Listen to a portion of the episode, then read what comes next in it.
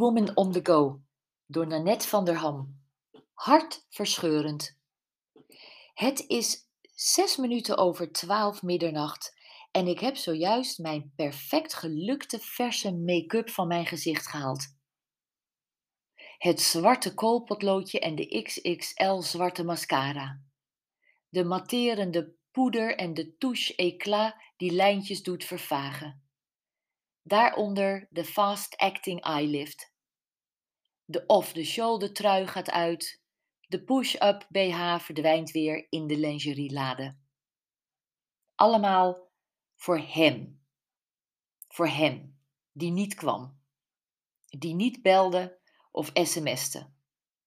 Het is de story of my life. En nu, in het jaar dat ik 50 word, wil ik er eindelijk eens vanaf.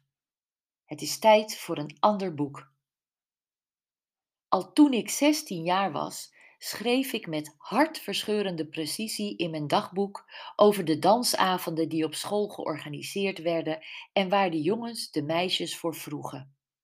Nog zes dagen en B heeft me nog steeds niet gevraagd. Misschien vraagt hij me morgen. Mama heeft mijn feestjurk af en hij is prachtig. Paars met roze bloemetjes, mouwen tot aan mijn elleboog en een veehals. En een week later. Gisteren was het feest. Ik ben niet gevraagd. Nou ja, er was een leuke detective op de televisie. Die heb ik met papa gekeken. 35 jaar later hoorde ik op een reunie van de jongens uit mijn klas dat ze me nooit durfden te vragen omdat ze zo geïntimideerd waren door mij. Ik was zo lang, liep zo rechtop en was zo mooi. Tien jaar geleden fluisterde een getrouwde minnaar dat ik de voordeur maar open moest laten die nacht, want hij ging zijn vrouw vertellen dat hij bij haar wegging voor mij. Nooit meer gezien. Vijf jaar geleden hertrouwde ik met een man die twee jaar later weer verdween, online de scheiding aanvroeg en al zijn spullen door mij in een garage liet zetten zodat hij me niet meer onder ogen hoefde te komen. Het hartverscheurende is dat ik jaren later van mijn nog altijd getrouwde ex-minnaar hoorde dat ik zo een zelfstandige mooie vrouw was, die vast snel een andere vent zou vinden.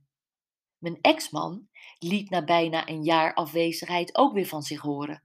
Na maanden van verdriet, beta-blokkers en hoge bloeddrukpillen, zei hij dat hij mij niet waard was en dat ik maar een andere man moest vinden.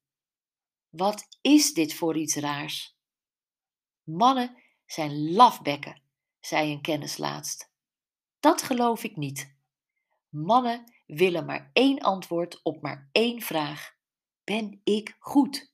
En het antwoord dient dan te luiden: Ja, jij bent goed. Je, nee, je, nee, jij bent fantastisch. Zodra mannen het gevoel hebben dat ze je held niet meer zijn, gaat het mis. En trekken ze naar andere oorden waar ze weer als held binnengehaald worden. Zoiets. Psychologie van de koude grond, maar ik geloof het wel.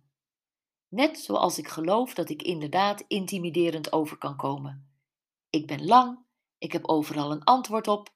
Ik straal aan alle kanten uit dat ik me wel red. Zonder hem.